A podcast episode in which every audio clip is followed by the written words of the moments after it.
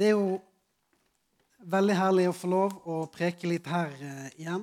Og takk for tilliten til, til de som har vært eh, dristige nok til å gi meg den tilliten.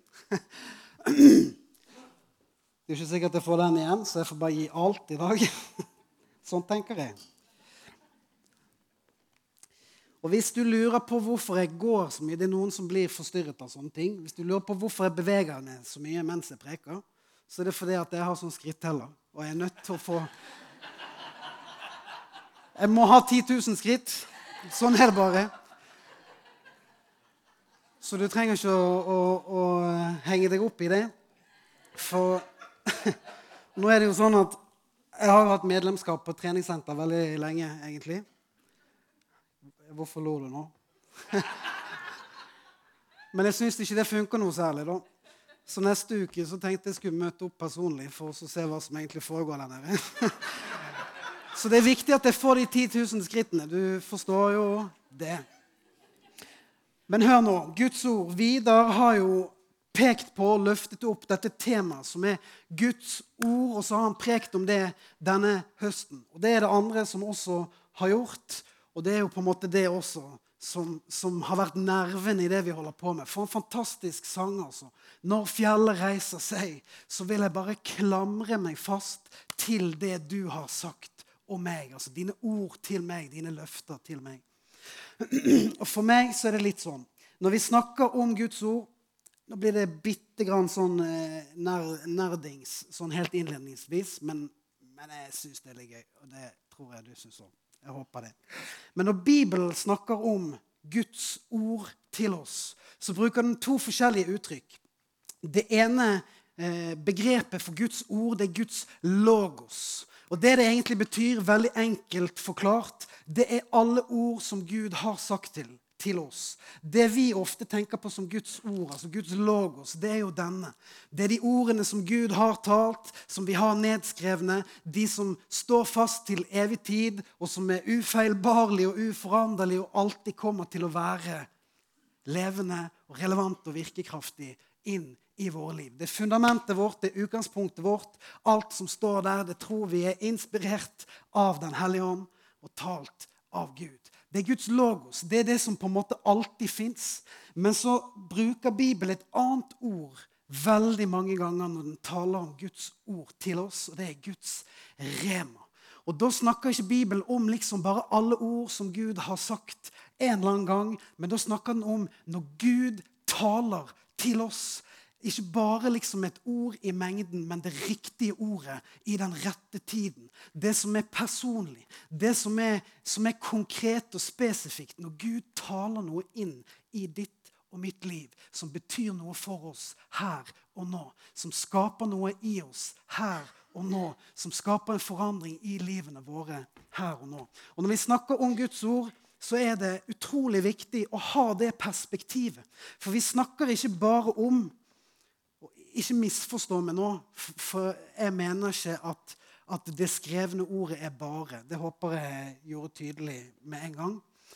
Men vi, det er så viktig at vi forstår at den Gud som en gang talte, han taler fremdeles. Han snakker fremdeles til deg og meg. Det gjør han gjennom sitt ord, men det gjør han også på utrolig mange andre måter. Og Det er superviktig å ha den forståelsen å ha den forventningen til Gud når vi snakker om at Gud snakker til oss. Og for meg så kobler jeg Guds ord, Guds reman, og Gud taler til oss, veldig naturlig til den profetiske dimensjonen i livet med Gud. Og det, jeg prøver egentlig å, å, binde sammen to ting her. Nå kommer jo Martin Rehn neste helg. Eh, jeg håper du har anledning til å komme og høre på han. Det blir utrolig bra. Og Han kommer til å snakke mye mer om dette profetiske og Guds fars hjerte. Han bærer jo en sterk åpenbaring om Guds fars hjerte. Han bærer en sterk åpenbaring om, om, hvem vi har blitt i Kristus, og vår identitet som Guds barn. Og så har han denne profetiske tjenesten. Og For meg er det helt naturlig, for det er det det profetiske egentlig handler om. Det handler om å åpenbare. Altså Gud viser oss sitt hjerte. Han viser oss sine tanker. Han viser oss hva som er hans vilje i livene våre, i situasjonene som vi står i. Nå begynte jeg egentlig nesten å snakke om noe annet. Men så jeg, ja, så jeg prøver egentlig å, å, snike meg inn og bygge en bro mellom dette som, som, har med Guds ord, og som vi ofte snakker om som Bibelen og som Guds logos, og det profetiske som Martin kommer til å komme inn på. Og da er det litt sånn, Når vi begynner å snakke om dette, nei, nå skal han snakke om det profetiske, og sånn, så er det jo sånn at noen bare drar ned rullegardinen med en gang. Dette interesserer meg ikke. Dette betyr ikke noe for meg. Noen er kjempefascinert, noen er veldig interessert i det, noen har et forhold til det, og andre har ikke det. Og det er helt naturlig at det er sånn. Det kan være mange gode og legitime grunner til at folk ikke Eller drar ned rullegardinen når vi begynner å snakke om det profetiske. Og Det kan være fordi at du har skuffelser i møte med det profetiske. Det kan være fordi at mennesker har misbrukt det profetiske i livet ditt. Eller så kan det rett og slett bare være at det er et tema som aldri har betydd noe særlig for deg. Men ikke dra ned rullegardinen med en gang. For meg så vil jeg si det sånn Noen tenker kanskje at det profetiske det er kun for spesielt interesserte. Men det er det ikke. Hør, det er ikke det. Det som har med det profetiske å gjøre, det er ikke bare for spesielt interesserte eller sånne veldig karismatiske, åndelige astronauter. Noen tror det er veldig merkelig, at det er veldig mystisk, at det er veldig svevende. Men det er det ikke. Det er veldig naturlig. Og det bør være en naturlig del av alle troendes liv. Og jeg vil si at det er helt avgjørende for utviklingen i en oppegående, levende menighet. Å ha en forståelse av hva det vil si å være profetisk og ha en profetisk kultur. Jeg vil bare ta utgangspunkt i noen vers. Hvis jeg har en eh, kameratski bakpå på skjermen der, som kan få opp det første fra Korinterbrevet. Ta utgangspunkt i noe som Paulus sier om dette med det profetiske. I 1. Korinterbrev kapittel 14 så står dette. Der står det mange eh, artige ting. Det står bl.a. om tungetall. og sånn. Det skal heldigvis ikke jeg snakke om i dag, for det er noen som syns er så slitsomt. Så det kan noen andre gjøre en annen gang. Men der sier Paulus sånn Jag etter kjærligheten, og søk de åndelige gavene med iver. Søk åndelige gaver med iver. Hvorfor sier Paulus det? Fordi det er viktig for oss. Søk de med iver, men mest av alt, sier Paulus, søk å tale profetisk. For den som taler i en tunge, taler ikke for mennesker, men for Gud, for ingen forstår han, men han taler hemmeligheter med Gud i ånden. Men den som taler profetisk, taler for mennesker, til oppbyggelse, formaning og trøst. Den som taler i en tunge, bygger opp seg sjøl, men den som taler profetisk, bygger opp hele menigheten. Jeg skulle ønske at alle talte i tunger, sier Paulus. Men enda mer skulle jeg ønske at alle sammen talte profetisk. Og Litt senere i kapittelet, i vers 31, så sier han for dere kan alle sammen tale profetisk, sånn at alle kan lære og bli oppmuntret. Bare ta vekk enn jeg ville. tror jeg. Søk de åndelige gavene med iver, men mest av alt søk det å kunne tale profetisk. Hvorfor sier Paulus det sånn? Jeg tror egentlig at Paulus sier det på den måten fordi at han forstår selvfølgelig hva det handler om. Det å tale profetisk det handler egentlig bare om å ha et liv, et liv med Gud. En levende relasjon med Gud hvor du og jeg lever så nært Han at vi hører Hans stemme og hører hva han sier til oss, og til, ønsker å si til andre gjennom oss. Derfor sier Paulus mest av alt søk det å kunne tale profetisk.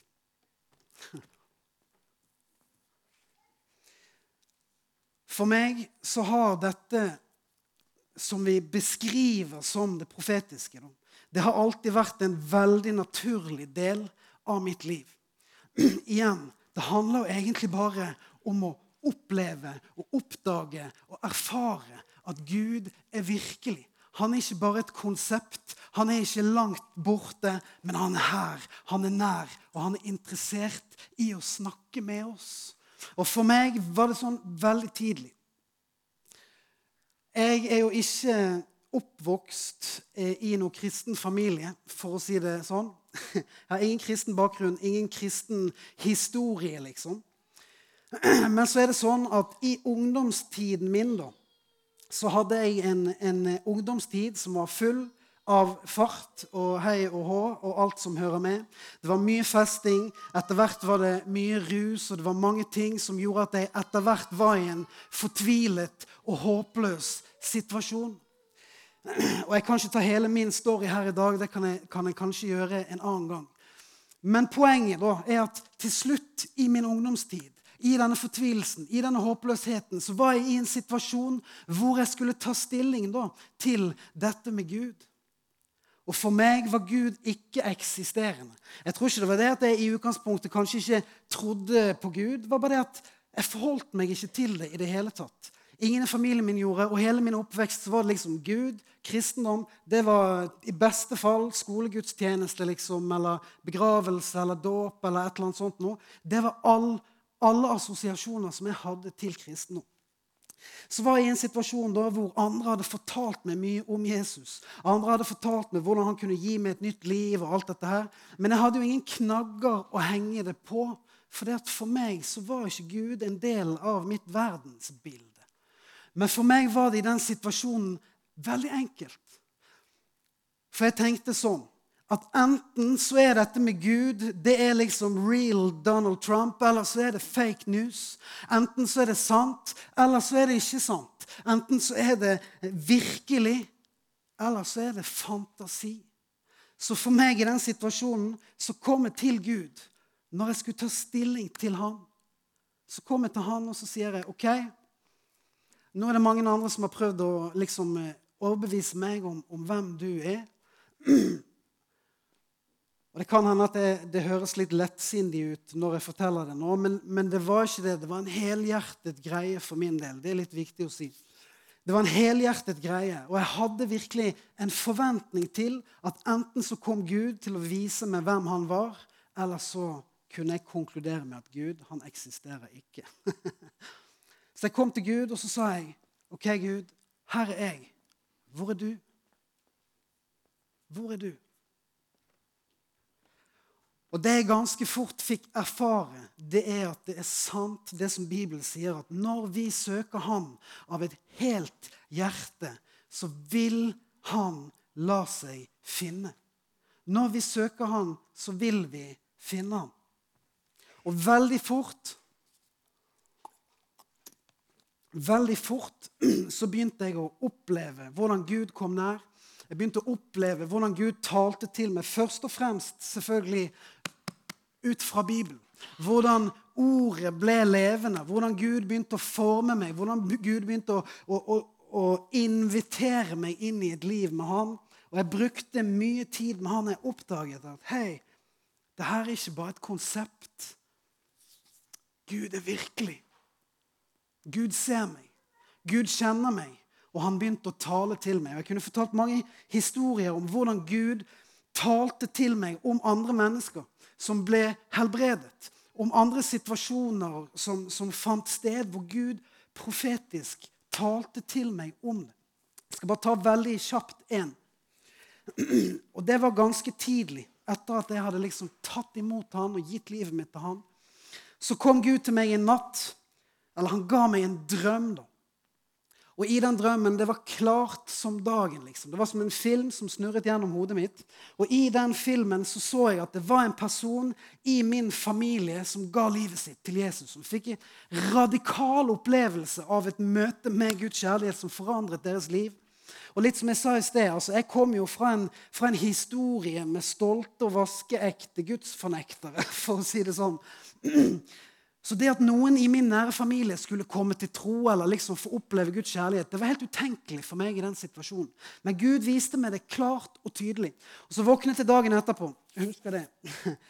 Og det var ikke sånn at jeg tenkte at det var en merkelig drøm. liksom.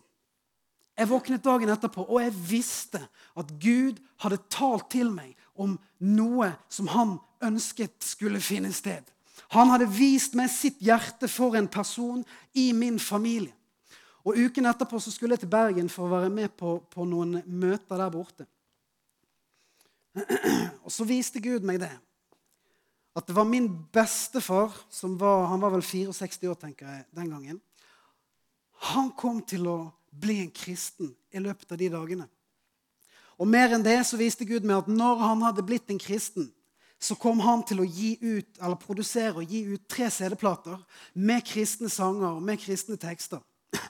Det var jo en veldig spesiell erfaring for meg, som ikke liksom egentlig forventet eh, så mye fra en Gud som aldri hadde eksistert i min verden. Men så klart, så tydelig og så konkret var det. Og Uken etterpå så reiste vi til Bergen. Og Vi hadde mange møter egentlig der da. Og det kom jo ingen fra min familie på noen av de møtene. Det var jo helt som forventet. Men så kom min bestefar på et av de siste møtene den siste dagen før vi skulle reise tilbake. Og I det møtet så fikk han en radikal opplevelse av Guds kjærlighet. Og livet hans ble forvandla. Jeg husker jeg sto der og holdt rundt han, og han hulkegråt. Og vi har aldri verken klemt eller grått sammen eh, noen gang, egentlig verken før eller siden. Men det var en sterk opplevelse. Og i ettertid så ga han ut tre kristne CD-plater som har betydd masse for mange andre menneskers liv. Hva er poenget med å si dette? Hva er poenget med at Gud skal vise oss sånne ting? Altså, Kanskje Gud bare gjør det han gjør, da, og så blir det sånn som Gud vil at det skal bli? det er ikke sånn. Vi må ikke ha det bildet av vårt liv med Gud. Poenget er at Gud ønsker å invitere oss inn i et liv med Han, hvor Han viser oss sine hjerter. Det er en invitasjon til oss først og fremst til å bli kjent med Han, til å forvente fra Han og til å samarbeide med Han. Fordi at jeg hadde den forventningen som jeg hadde i den situasjonen, det gjorde at jeg handlet annerledes. Jeg gjorde en del ting annerledes som til syvende og sist førte til at min bestefar ga livet sitt til Jesus.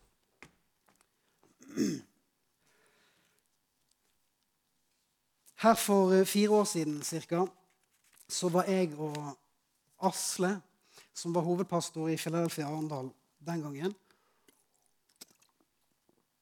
Vi var på en tur sammen til Tyrkia. Mye moro med den turen. Jeg kan ikke ta, ta alt det nå, men vi reiste ned dit fra menigheten for å følge opp våre misjonærer som vi hadde der nede. Vi, Philadelphia Arendal har et ektepar som er utsendt som misjonærer til Alanya i Tyrkia. Og Vi reiste ned der for å følge opp de og besøke de og se på det arbeidet som de sto i. Og Det var jo en spesiell tid da vi reiste ned. Det var jo denne migrasjonsbølgen, og IS sto veldig sterkt og var på fremmarsj. og Det var en merkelig stemning i Tyrkia. Flyplassen i Istanbul hadde liksom blitt sprengt uken før vi kom ned. og masse sånne ting. Det var litt merkelig stemning. Men i den menigheten som våre misjonærer hadde involvert seg eh, i der nede, der var det òg litt dårlig stemning. Det var masse konflikter, masse utfordringer. Det var egentlig et finsk ektepar som var utsendt fra pinsebevegelsen i Finland, som ledet den menigheten. Og så hadde de en tyrkisk mann som var ganske nyfrelst, som de hadde satt inn som pastor i menigheten der. Og så hadde du det her ekteparet som vi hadde sendt ut, og som prøvde å være med i den miksen der. Og Der hadde skjedd masse greier, så de var ikke helt på talefot, noen av de. De hadde noen tyrkiske møter for seg sjøl, og de norske de gikk ikke der. Og de finske og de tyrkiske de gikk ikke på møtene til de her norske. og det var masse sånne ting. Og Jeg og Asle vi var litt skuffet. Vi skulle ha et møte der i den menigheten den ene dagen. Og vi hadde jo håpet at vi skulle få treffe alle disse andre menneskene som også var med å bygge den menigheten. Men det fikk vi klar beskjed om at det kunne vi bare glemme, for de kom ikke til å komme på det møtet. Uansett så hadde vi dette møtet da, på søndagen. Og vi kjørte på med åpne vinduer utover liksom torget der i, i Alanya. Jeg husker at Det var en litt spesiell opplevelse. Det var jo så varmt. Det var ikke det at vi var så tøffe, men det var jo så varmt vet du, at vi klarte jo ikke å puste. Så vi måtte smelle opp alle vinduene i det her møtelokalet. Og Asle han er jo han er både flink og han gir gass når han eh, synger. Så vi lovsang så det ljomet utover eh, over eh, byen der. Og I begynnelsen av dette møtet da, så kommer det inn en mann bak i lokalet. Jeg, han, det var en hvit mann, og jeg så med en gang at han der han så jo litt skandinavisk ut. Du vet, eh, sånn, Litt sånn slapp, sånn ensfarget T-skjorte og så blomstrete bermudashorts og hvite tennissokker i liksom skinnsandaler. Tenkte at det, det, der ser ut som en skandinavisk sydenturist. Men det spiller ikke noen rolle hva jeg tenkte. Men det, jeg opplevde momentant idet han kom inn, så opplevde jeg at Gud sa til meg Han der, han skal dere be for eh, i slutten av møtet. Og Møtet gikk sin gang, og i slutten av møtet så begynte vi å be for folk. Så, så sto han her eh, mannen da som hadde kommet inn. Han så ut som en hard type, for å si det sånn. Han var ganske stram, og han var tydelig ukomfortabel egentlig med å være der. Han sto litt sånn på avstand og bare betraktet det vi holdt på med. Så ser jeg bort på han mens vi driver med litt sånn lovsang og, og, og ber for folk. Og sånn. Og idet jeg ser på han, så på en overnaturlig måte så blir den Bermuda-shortsen forvandla. Det er ikke det som skjer, men når jeg ser på han, så ser jeg, så ser jeg for meg Så ser jeg denne mannen da i en militær uniform. Jeg ser han som en stolt Eh, og sterk mann i en militær uniform. En militær uniform det kan jo være mye rart. Det kan være marine og flyvåpen og alt. Men jeg så han veldig tydelig for meg i en offisersuniform fra Hæren. Og Det var alt jeg så. Jeg visste ikke hvem han var. Jeg kjente ikke hans historie. Jeg hadde ikke masse greier liksom, som jeg tenkte det her, I'm gonna blow him away, liksom. Men jeg, jeg så han i militæruniform. Og så peker jeg på han, og så inviterer jeg han frem og jeg spør om han kunne tenke seg å komme frem. For jeg var ikke helt sikker på at han ville. Jo da, det ville han. Og så kommer han. Alt jeg har, er dette bildet av han i militæruniform. Men hør, det er sånn det ofte er. Sånn er det ofte når Gud ønsker å snakke til mennesker gjennom våre liv. Når han ønsker at vi skal gi noe til noen andre, så er det som oftest ikke sånn at Gud liksom og så har du liksom en hel greie, og du skal bare liksom Det er som oftest bare en liten invitasjon fra Gud. Et ord, et bilde, et inntrykk, en følelse. Hva det måtte være. Gud taler til oss på forskjellige måter, men det handler om å lære Han å kjenne. Og lære å forstå hvordan Han snakker til deg personlig i ditt liv. For det vet ikke jeg. Men jeg har jo etter hvert lært meg litt om hvordan han prøver å kommunisere med meg. Det er ikke så lett. Det sier i hvert fall Kari. Men Gud vet hvordan han skal gjøre det. Så kommer denne mannen frem, og vi begynner å be for han, og jeg sitter meg ned på kne foran han. Og når jeg sitter der på kne på gulvet der i dette lokalet med 400 grader i Alanya, så kjenner jeg bare hvordan Gud fyller meg med en kjærlighet for denne mannen som jeg kanskje aldri noen gang tidligere har opplevd. Og så bare tenker jeg nei, jeg bare går for det, liksom. Og så så spør jeg han bare Du, jeg ser for meg at du har en kobling til militæret. Eller mer riktig si, så ser jeg for meg deg eh, i en offisersuniform fra Hæren. Så jeg har bare lyst til å spørre deg, har du noen gang vært ansatt i Hæren? For han, jeg, jeg, skjønte det at dette handlet ikke bare om at han hadde liksom vært i militæret, eller noe, for det har jo de fleste mannfolk. Men det fins en sterk kobling mellom deg og militæret. Har du noen gang vært ansatt i militæret? Har du vært yrkesmilitær i Hæren? Og mens jeg sier det, så kommer Gud med sitt nærvær og med sin kjærlighet over denne mannen på en måte som jeg kanskje aldri før har opplevd. Og jeg ser bare hvordan dette her er sterke, litt stolte og litt sånn tilbakeholdne ansiktet hans bare smelter i et øyeblikk. Øynene hans blir fylt med tårer, og så ser han ned litt og så sier han, nei. Jeg har aldri vært yrkesmilitær i Hæren. Men, sier han, faren min har vært offiser i Hæren hele sitt liv. Begge brødrene til min far. Altså begge onklene mine er fortsatt aktive i hæren. Og begge brødrene mine har også valgt en, eh, å bli yrkesmilitære. og idet han sa det, så lastet Gud bare ned resten av det han ønsket å si til denne mannen. Dette betydde ikke så mye for meg. Det var ikke stort, det var ikke spektakulært. Men poenget var at Gud kom med et ord, med et inntrykk, som i et øyeblikk bare åpnet denne mannens hjerte. Det betydde ingenting for meg, men det var ladet med mening for denne mannen. Så kommer Gud med, med, med, med resten av sine tanker til han. For det viste seg jo at han hadde jo et utrolig Han hadde utfordringer med sitt selvbilde. Han hadde jo en opplevelse av at både alle rundt han i familien og, og egentlig han sjøl òg så på han som mislykket, som familiens sorte får, som den som hadde liksom gått sin egen vei her i livet. Og nå satt han liksom der i en, i en egentlig kjip situasjon langt nede i Tyrkia og holdt på med noe helt annet så kommer Gud og snakker sine tanker inn i denne mannens liv. Rett inn i hans hjerte. Rett inn på det området som han trodde at ingen andre kjente til. Hvor han bar på stor smerte og en virkelig tydelig opplevelse av å være mislykket. Så kommer Gud og bare skjærer forbi alle murene til denne mannen. Og i løpet av noen få minutter så ser vi bare hvordan Gud setter ham fri fra de tingene og forandrer måten som han ser på seg sjøl. Fordi at han opplever at Gud sier hvordan han ser på ham. Det viste seg jo at dette var han finske mannen som faktisk ledet den menigheten. Så bonusproduktet for vår del var jo at alle relasjonene i den menigheten de ble jo også løst opp.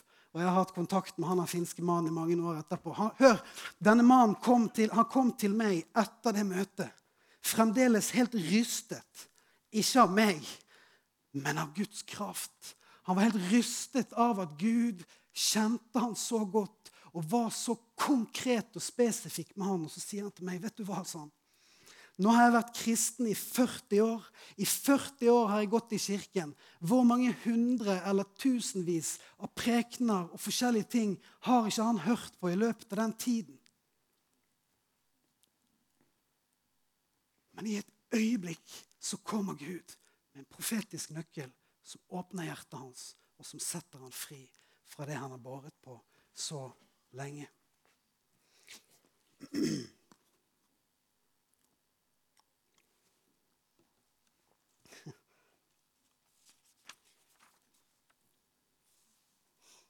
Hvorfor deler jeg denne historien?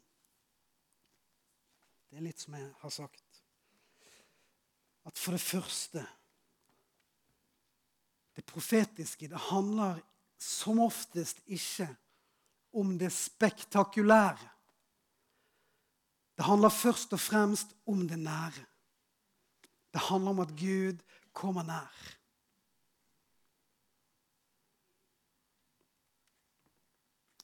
Her for eh, et par år siden så hadde vi en samling i Philadelphia på Harebakken.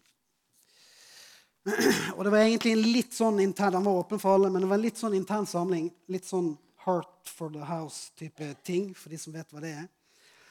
Litt sånn en samling der vi samlet medlemmene i menigheten. Og, og, vi som var i lederskapet, da delte hjertet vårt i forhold til hva vi sto i, og hva vi så for oss for menigheten i tiden som skulle komme. Og så delte vi oss opp i grupper på en seks-syv eh, stykker etterpå. Og så satt vi i de gruppene og pratet om de tingene som hadde blitt presentert. Og sånn. Og så skulle jeg lede en gruppe den dagen og tok med meg seks-syv stykker til bordet mitt. Og en av de som ble med i den gruppen, det var en jente på kanskje 5-6-27 år. Har aldri sett hun før. Hun hørte ikke til i menigheten. Jeg vet fremdeles jeg burde huske hva hun heter, da. Men det husker jeg heller ikke. Men poenget er at hun hadde aldri vært der før. Og hun hørte på en måte liksom ikke til der, for dette var jo en, en, et slags menighetssamling. Og Så sitter vi der i den gruppen, og, og vi hadde tre spørsmål fra dagens tematikk. Og så tok vi noen runder hvor vi prata om det. Og midt under denne runden da, så bare begynner Gud å snakke til meg om denne jenten. Og så opplever jeg veldig tydelig at han gir meg disse tre ordene. Words create worlds. Igjen. Det var ikke så veldig spektakulært. Jeg skjønte ingenting av hva det kunne bety for noe. Men fordi at jeg gjenkjente Guds stemme, fordi at jeg har lært meg å gjenkjenne hvordan Gud bare nugger i mitt hjerte når han ønsker å si noe til noen andre, så tenkte jeg at jeg tar sjansen. Så satt jeg der og ventet på en anledning, og så fort jeg fikk anledning, så sier jeg til hun jenten du, jeg opplever at Gud ønsker å si deg noe. Og mens jeg begynte på det, så begynte Gud å vise meg flere ting. Så sier jeg til henne jeg opplever at Gud sier dette. Words create worlds. Og jeg opplever at Gud forteller meg at han har kalt deg til å skape virkeligheter med dine ord. At han, han har kalt deg til å være med og forandre menneskers liv da, gjennom dine ord. Og i sånn kristen eh, setting så tenker vi jo ofte det at mennesker som er kalt til å liksom bruke ordene sine for å skape noe, det er liksom predikanter eller noe sånt. Men så sa jeg det til henne, men jeg opplever ikke at det er det Gud har kalt deg til å være. Jeg ser deg for meg på et kontor hvor du sitter liksom som, som i en terapisetting, hvor du sitter og prater med mennesker foran deg. Mennesker som har dårlig selvbilde som har en ødelagt virkelighetsforståelse. Og Gud vil gi deg visdom og gi deg ord for å forandre disse menneskenes liv og fremtid. Og På dette tidspunktet så hadde jeg skjønt for lenge siden at det er Gud. For det så jeg på henne, hvordan hun tok imot det. Jeg så hvordan Gud begynte å jobbe med henne, og så sier hun når jeg var ferdig Det er veldig interessant, sa hun. Jeg er jo litt sånn tilfeldig innom her. Vi tror ikke på tilfeldigheter, vi tror på gudfeldigheter. Men jeg er jo bare innom her på gjennomreise fra Oslo til Kristiansand, sier hun. For jeg er på vei til Kristiansand for å se på en leilighet. For jeg uh, har egentlig tenkt å gå på psykologistudiet. Jeg tror det var psykologi, ellers var det en eller annen form for terapeutgreie. Det skal være litt usagt. Men jeg tror det var psykolo psykologi. For jeg skal gå på et studie der men så de siste dagene så har jeg vært veldig sånn usikker. hun, Er det virkelig det her greiene her jeg har lyst til å gi livet mitt til? Er det dette jeg vil satse på? liksom? Er det det her som er min greie? Og En ting som er enda mer interessant, sa hun, det er at jeg har akkurat vært og hentet pensumbøkene mine. De har jeg i bilen min. Og på passasjersetet i, i, bilen min akkurat nå så ligger den boken som jeg har sett på på veien opp her. Og tittelen som står over hele forsiden på den boken, som akkurat nå ligger oppslått i min bil på utsiden, det er ord skaper virkelighet. Som er tydningen på de britiske tungene som jeg hadde her i sted. Det var de ordene som Gud ga meg. Tre enkle ord. Words create worlds. Det var tittelen på boken som hun hadde sett på i dag. På vei til Kristiansand for å kanskje bli noe som Gud hadde kalt henne til å bli men som hun egentlig nesten hadde bestemt seg for å gå bort ifra, så kommer Gud på en enkel måte og bekrefter hvem hun er, og hva som er hans hjerte og hans tanker for hennes vei videre. Jeg skal gå mot en avslutning en eller annen gang. Hør. Gud er superinteressert i i fare for å gjenta meg sjøl til det kjedsommelige. Men han er utrolig, han er mye mer interessert i å dele sitt hjerte med oss og prate med oss og dele sine tanker med oss enn det vi kanskje er i at han skal gjøre det. Han er superinteressert i å gjøre det.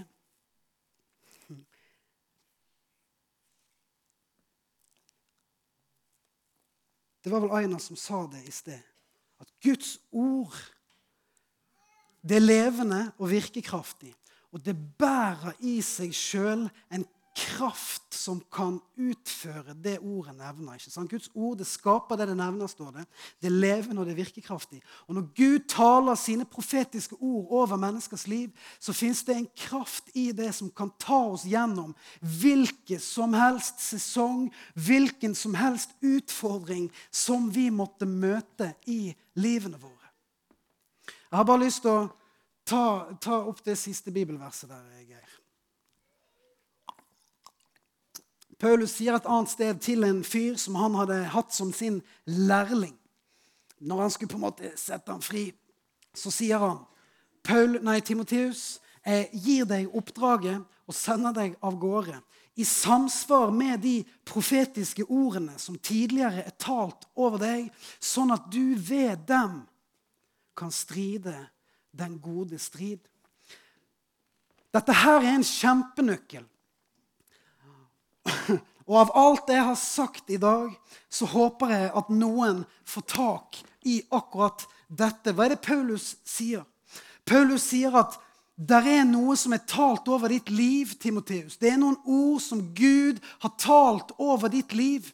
Og de kan du bruke til å stride den gode strid. Paulus sier at vår liv kan være en strid, men det er en god strid, for dette er en strid som Jesus allerede har vunnet for oss. Amen. Men Paulus sier det, at det kan være en strid. Og et annet sted så sier Paulus det sånn. Vår liv det kan være en kamp på samme måte som alle andre mennesker. Det er ikke sånn at fordi at vi er kristne, fordi at vi tror på Jesus, så er vi spart for alle mulige ting. Nei, sier Paulus et annet sted. Vår liv kan være en kamp. Men fordi at vi tror på Han, så trenger ikke vi å kjempe våre kamper på den måten som mennesker som ikke kjenner Gud, kjemper sine kamper. De kjemper ofte mot hverandre eller mot seg sjøl eller mot kjøtt og blod, som, som Paulus kaller det. Men vi som kjenner Gud, vi vet at Gud har gitt oss våpen som er mektige i Gud til å rive ned alle disse tingene som vi gjerne bygger opp rundt livene våre. Våre murer, våre fasader, sånn som han finner i Alanya, som hadde liksom alt som han hadde bygd opp rundt sitt liv for å beskytte det som egentlig befant seg på innsiden. Masse sår, masse smerte, masse nederlag. Men så fins det våpen som er mektige i Gud til å trenge gjennom. Og til å ta til fange, sier Paulus der. Alle tanker som reiser seg, som kommer imot oss, som strider imot de ordene som vi vet at Gud har sagt til oss. Hør, hvis Gud taler noe over ditt liv som er personlig, som er profetisk, som du bare vet og du bare opplever at det her er Guds løfter til meg, dette her det er Guds ord til meg, så fins det en kraft i det, så er det en våpen i det som du kan ta opp i enhver situasjon. For det kommer tider i våre liv som er vanskelig. Det kommer situasjoner Uansett hvor mye vi tror på Gud, så opplever vi at ting kan være mørkt. Det kan være håpløst, det kan være tungt, det kan være vanskelig. Men har vi da tatt imot de ordene som Gud har talt over livet vårt, så kan vi hente det frem i de situasjonene. For det fins en kraft i de ordene som kan ta oss gjennom enhver situasjon. Det er en kjempenøkkel. Hvordan gjør man det i praksis, da? Jeg skriver ned. Alle profetiske ord, alle profetiske tiltaler eller innspill som jeg får i mitt liv, de skriver jeg ned. Har det i en bok. Ja, Men det er jo ikke alt som er Gud. Nei, men spiller det noen rolle, da? Jeg har en sånn usynlig skuff oppe en sånn usynlig hylle oppi her. Alle ting som folk taler til meg, som kan og ikke kan være Gud, det, som jeg ikke kjenner liksom at dette er for meg, det putter jeg oppi der. Hvis det ikke var Gud, så blir det liggende der til evig tid. Men hvis det var Gud, så finnes det der, i den situasjonen hvor jeg trenger det.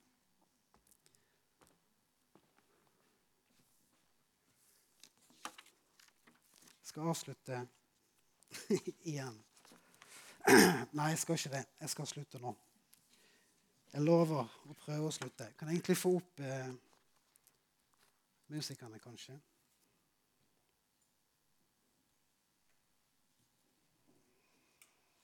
Mm, mm, mm.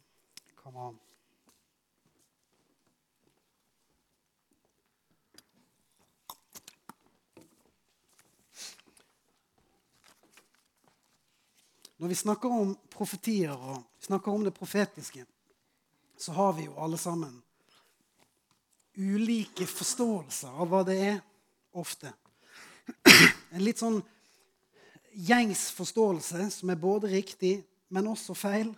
det er at profetier, eller profetiske ord, det er noe som Gud gir, som handler om noe som på en måte er forutbestemt, og som skal skje i fremtiden. Og det kan det være. Gud kan tale til oss, Gud kan tale inn i våre liv. Han kan, kan vise oss ting som på en måte ligger frem i tid. Men det er ikke bare det. Det er en som sier det at det profetiske det er både foretelling og forthtelling. Det handler både om å fortelle om noe som, som, ligger der fremme, men det handler også om noe annet. Og det handler om å skape med våre ord. Det handler om at det er ting som skjer fordi at vi skaper med Han.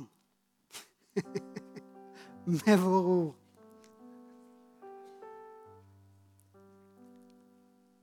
I profeten Esekiel så står det noe om nettopp dette. Noen ganger så tror vi jo at det, livet det er litt sånn kom si, kom sa, og det som skjer, det skjer. Og... Men jeg tror ikke det er sånn. Jeg tror Gud har kalt oss ved navn fordi han kjenner oss. Fordi han ønsker å samarbeide med oss og fordi han ønsker å se at ting skjer. Liv blir forandret gjennom oss. I profeten Esekiel så står det noe om dette. Det står at Gud tar denne mannen, han Esekiel, så løfter han han ut i ørkenen. og Der blir han stilt overfor en dal som er full av tørre bein. Det er jo litt spesielt. Men så spør Gud Esekiel hva, er, hva ser du for noe. Nei, jeg ser jo det som alle andre ser. Jeg ser at her er det masse knokler, her er det masse bein, her er det død og elendighet.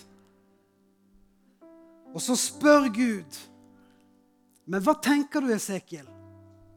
Fins det noe håp? Kan det bli noe liv igjen? Så sier Esekiel, jeg har ikke peiling. Men Gud, du vet. Så sier Gud, du, Esekiel, du skal snakke til, du skal tale til, profeter til disse beina og si at dette er Guds ord. Det skal komme liv i disse beina igjen. Så gjør Esekiel det og profeterer til de beina og sier det Gud har vist ham at det skal komme liv i disse beina. Og så står det mens jeg profeterte, sier Esekiel, så skjedde det. Det begynte å sprake, det begynte å brake, og alle disse beina kom sammen. Og det kom liv tilbake. Hva er poenget mitt? Jeg tror at dette er noe av hensikten med det profetiske. Jeg tror dette er noe av det Gud har kalt oss til. I møte med mennesker, i møte med utfordringer, i møte med, med, mennesker i forferdelige, vanskelige situasjoner, så ønsker Gud at vi skal leve med Han på en måte at Gud kan si, 'Hva ser du her?' Når du står ovenfor ekteskapet som holder på å ruineres Når du står overfor rusmisbrukeren som sliter med avhengighet. Du ser det samme i disse situasjonene som alle andre ser. Men så ønsker Gud at du skal være en stemme fra Han som kan spørre Gud, hva er det du ser? Hva tenker du om dette ekteskapet? Fins det håp? Ja, det fins håp. Hva tenker du om denne rusmisbrukeren? Finnes det en fremtid? Ja, det fins en fremtid. I møte med, med mennesker som sliter med depresjon, eller som tenker at livet er over og det er i ferd med å ta slutt. At du kan være en stemme som sier 'hør'. Jeg forstår at du føler at det er håpløst, men det fins håp. Jeg forstår at du tenker at det fins ingen fremtid for meg, men Gud har en fremtid for deg. Jeg forstår at du opplever at nå er det slutt. Men så kommer Gud og sier, 'Hør, det fins en ny begynnelse'. Hvor du kan være en profetisk røst fra Herren.